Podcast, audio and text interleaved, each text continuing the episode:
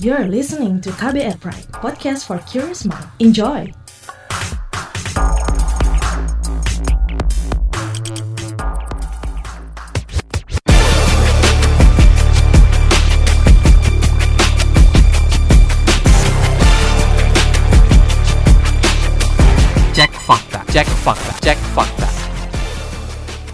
Kita jumpa lagi dalam Cek Fakta Senin 28 Juni 2021. Saya Don Brady.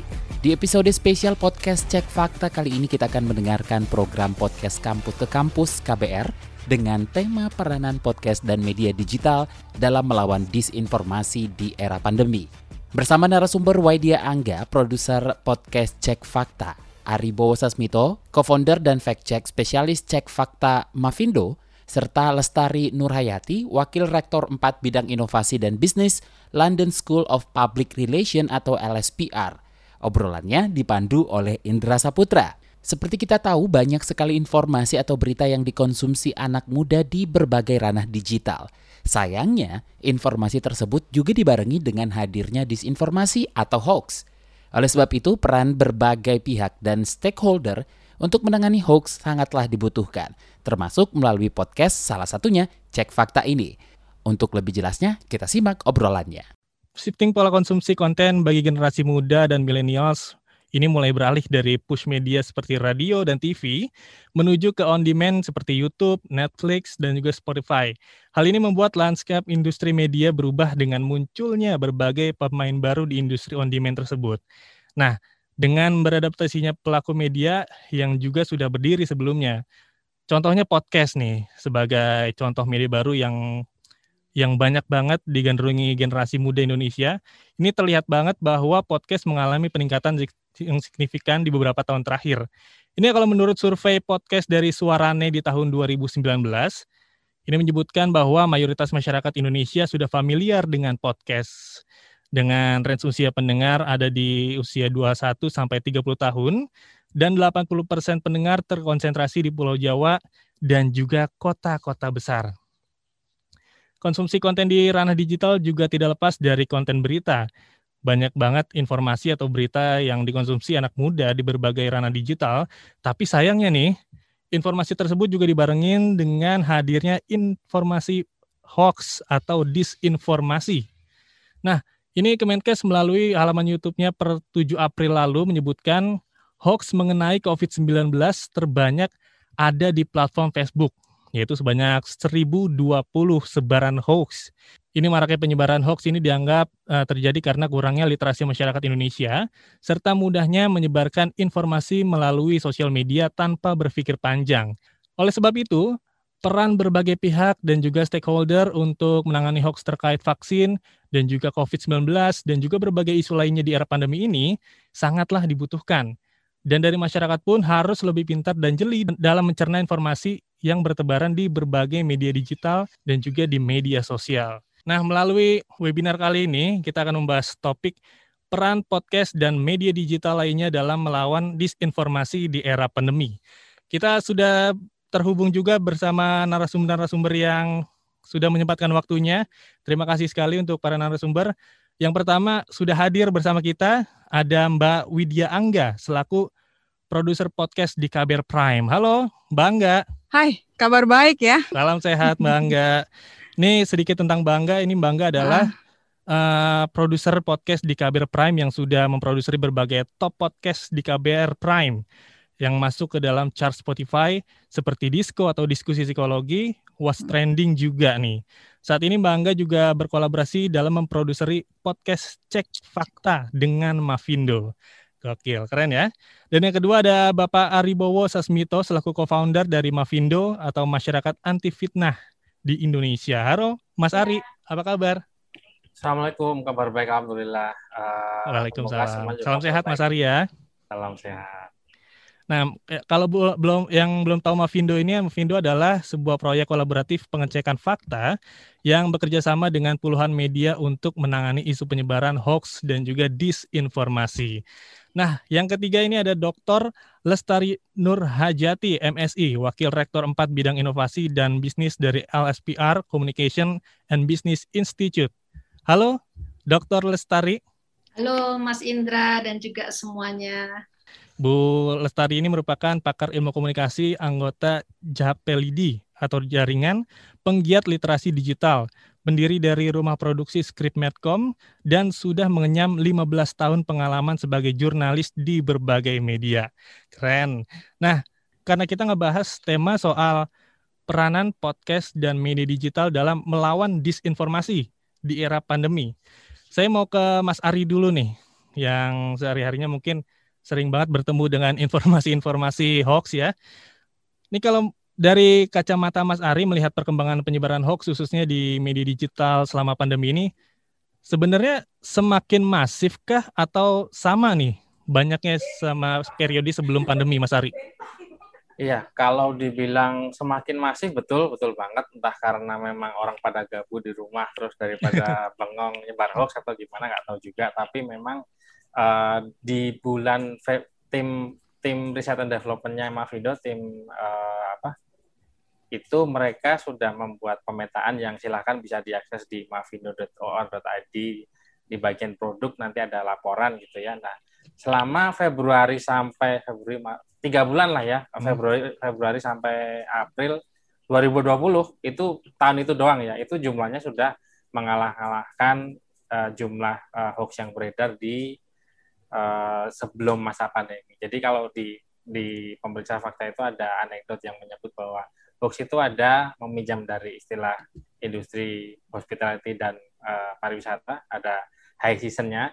Jadi hoax itu high seasonnya biasanya di musim politik uh, pilpres, uh, pilkada, terutama pilpres gitu. Nah, yang tiga bulan itu itu sudah ngalang-ngalain hoax di high seasonnya musim politik di tahun-tahun wow. sebelumnya. Jadi ya memang uh, signifikan mas, signifikan. Naiknya cukup apa ya, ya ngeri lah. yang paling banyak tentang apa sih mas? Vaksin kah atau hoax-hoax seperti uh, misalnya informasi-informasi uh, perihal COVID-19 yang sebenarnya konspirasi dan lain-lain itu gimana sih paling banyak semuanya semuanya yang Mas sebut jadi uh, hoax itu kan uh, akan mengikuti tren yang sedang hmm. um, sedang berlangsung ya jadi kalau uh, awal tahun kemarin ada kejadian Sriwijaya jatuh itu temanya itu. Dan semenjak tahun lalu karena COVID masih jalan uh, hoaxnya juga mengikuti temanya COVID. Tapi uh, fokusnya berubah ya. Jadi kalau di sebelum pengumuman pasien dua pasien dua pasien satu dan pasien dua di bulan Maret waktu itu itu dari Februari itu sudah mulai naik. Dan tema hoaxnya itu uh, positif. Di kota ini rumah sakit ini uh, COVID gitu. Bahkan ada yang media yang ikut menyebarkan yang hmm. modalnya itu dari foto yang sedang simulasi. Jadi kan ada istilah uh, a picture speaks thousands of words gitu ya. Satu foto satu gambar berbicara buat kata-kata. Jadi lagi simulasi diberitakan sebagai penanganan COVID. Jadi awal-awal sebelum Maret itu itu. Di kota ini uh, di rumah sakit ini positif. Begitu diklarifikasi besoknya pindah kota pindah lokasi gitu. Hmm. nah kayak seolah-olah semangat banget karena covidnya belum nyampe malah pengen nyampe gitu mas. Dan uh, bulan Maret itu ganti lagi uh, ada juga yang pakai teknik klasik kayak uh, foto.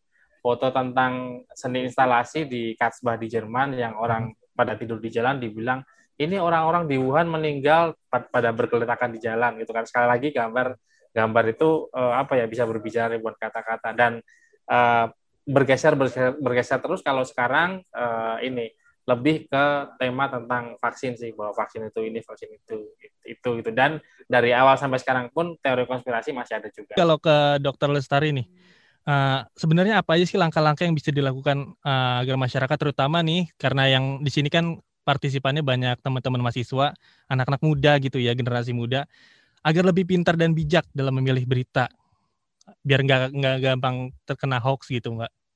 Ya, ini menarik ya Mas Indra ya kalau kita ngomongin hoax tuh nggak kelar-kelar rasanya. Padahal harapannya kan hoax ini bisa uh, tidak menghantui kita gitu. Iya. Kadang-kadang yeah. malah lebih rasanya menakutkan hoaxnya daripada kenyataannya. Tapi di sisi lain memang yang menarik ini ya, infodemik itu muncul ya infodemik ini adalah sebuah kondisi di mana pemberitaan atau informasi itu uh, meluas sangat cepat hmm. seperti pandemi layaknya tapi informasinya tidak benar mengandung unsur hoax atau fake news berita palsu dan sebagainya nah teman teman-teman generasi muda mahasiswa jauh lebih sebetulnya ya jauh lebih memiliki sense ya kepekaan hmm. terhadap uh, apa mencium bahwa ini nih benar atau enggak itu sebetulnya mereka sudah punya modal karena apa kita tahu teman-teman ini kan digital native jadi mereka hmm. sudah begitu lahir oh gitu ya mungkin dokternya lagi main Instagram perawatnya lagi main WA gitu jadi sudah sudah alert gitu ya sudah hmm. sangat uh, punya sense terhadap bagaimana menggunakan media digital.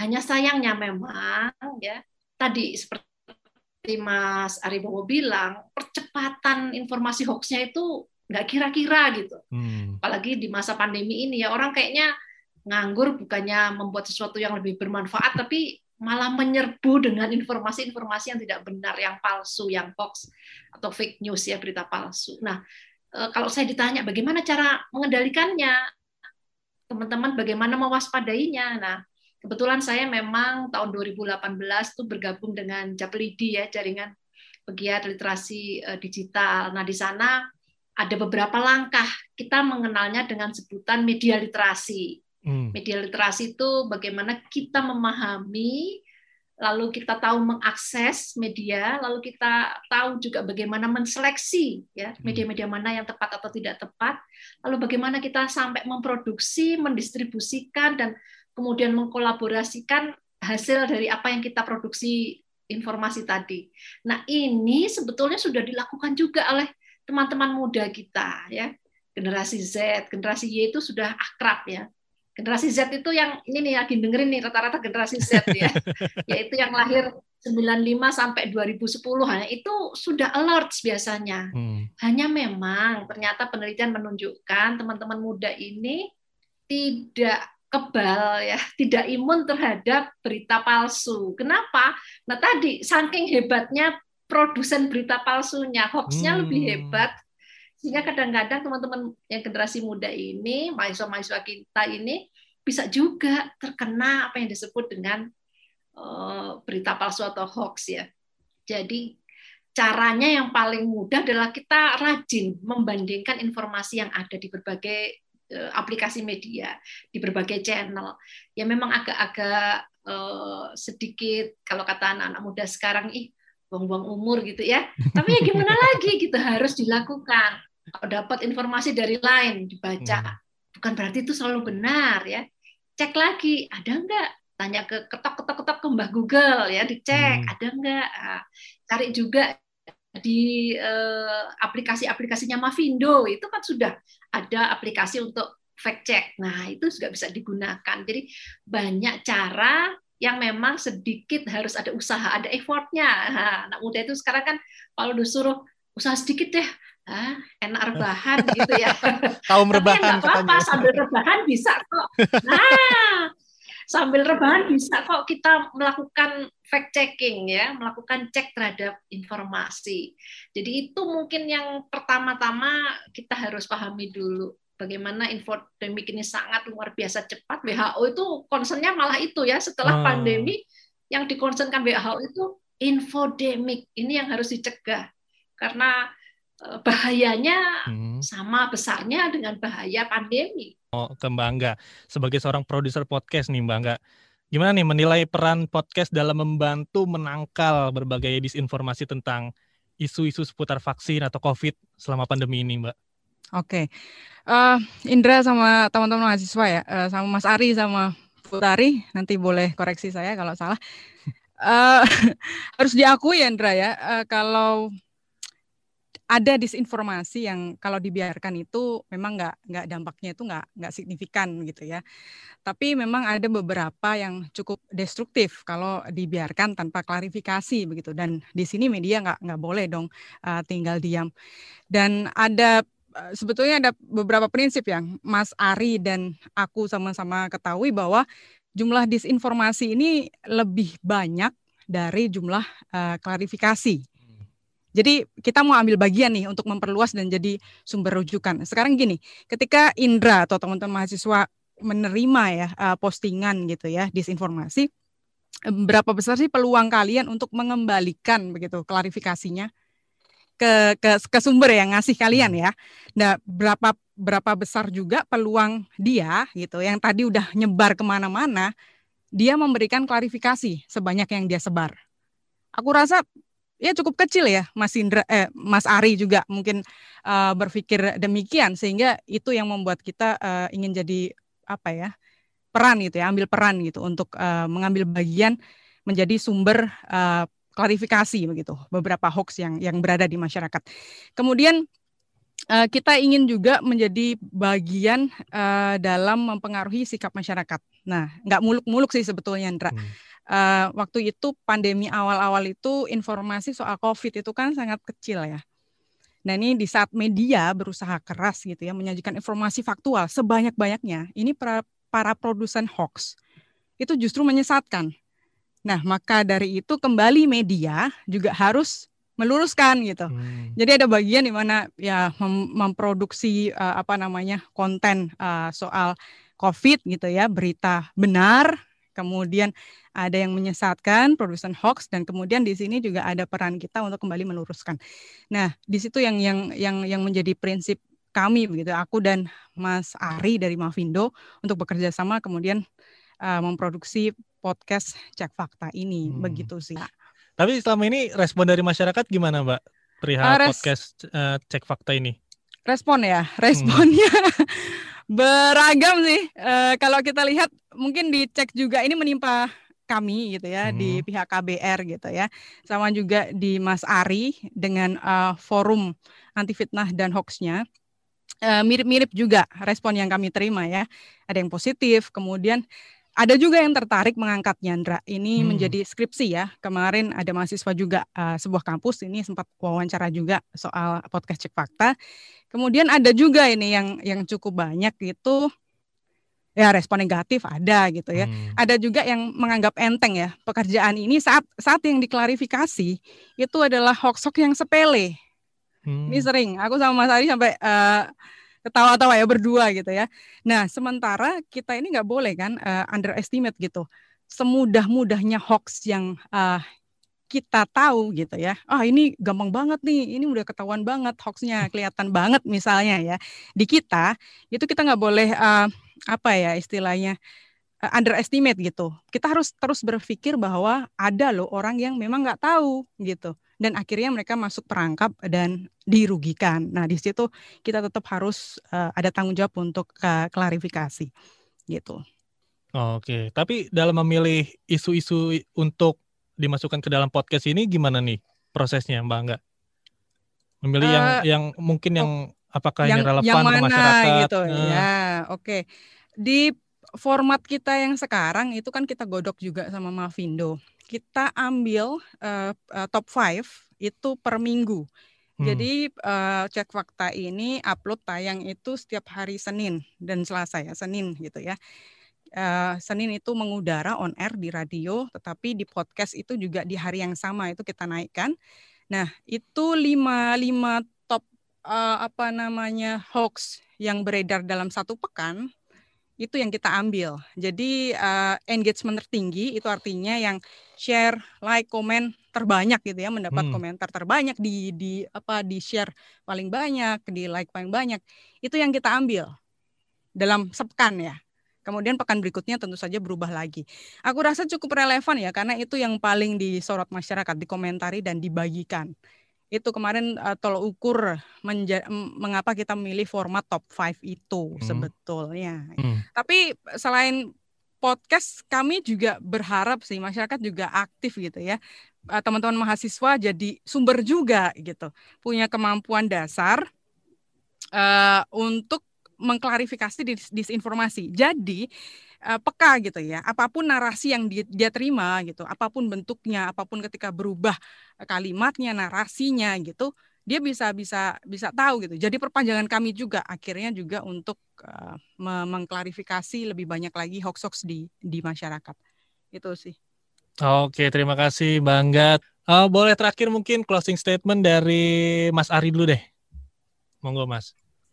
Ya, uh, ya closing statement saya seperti yang sering di saya utarakan di podcast uh, jaga emosi tahan jari verifikasi sebelum dibagi dan jangan lupa uh, untuk uh, berperan aktif juga gitu karena tadi ya uh, let's dance the tango gitu menari tango yuk karena siapa pun yang mengajak mau pemerintah mau KBR dengan program podcastnya uh, Polri semua mengajak kalau masyarakat yang diajak nggak mau gerak juga ya artinya kita joget sendiri nggak asik nih gitu. Oke, lanjut ke Butari, boleh? Oke, baik teman-teman semuanya. Cuma satu kalimat yang saya ingin sampaikan. Hmm. Think before click. Ya. Oke. Okay. Think before click. Pikir sebelum diklik.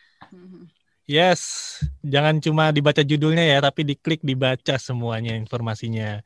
Jangan sampai keliru juga. Bangga boleh closing statement? Gini deh, mungkin semua orang bisa berada di situasi ketika dia menerima disinformasi gitu. Ada beberapa sikap yang bisa dia lakukan gitu. Uh, yang pertama ya tidak menyebarkannya gitu ya. Hmm. Ketika dia tahu dan dia stop di dia itu saja itu sebetulnya sudah umum biasa saja gitu loh. Kamu tahu ini disinformasi, aku tidak akan menyebarkannya. Itu sudah bukan lagi hal yang hebat gitu. Tapi hal yang hebat adalah uh, tolong bisa menjadi uh, apa namanya agen ya uh, jadi agen yang yang turut gitu ya. Eh, tolong setidaknya kalau kalau belum belum mendapat informasi diwanti dulu aja gitu. Hati-hati ya. Ini belum tentu betul dan kemudian mari kita cari bareng-bareng deh klarifikasinya dari sumber-sumber yang terpercaya.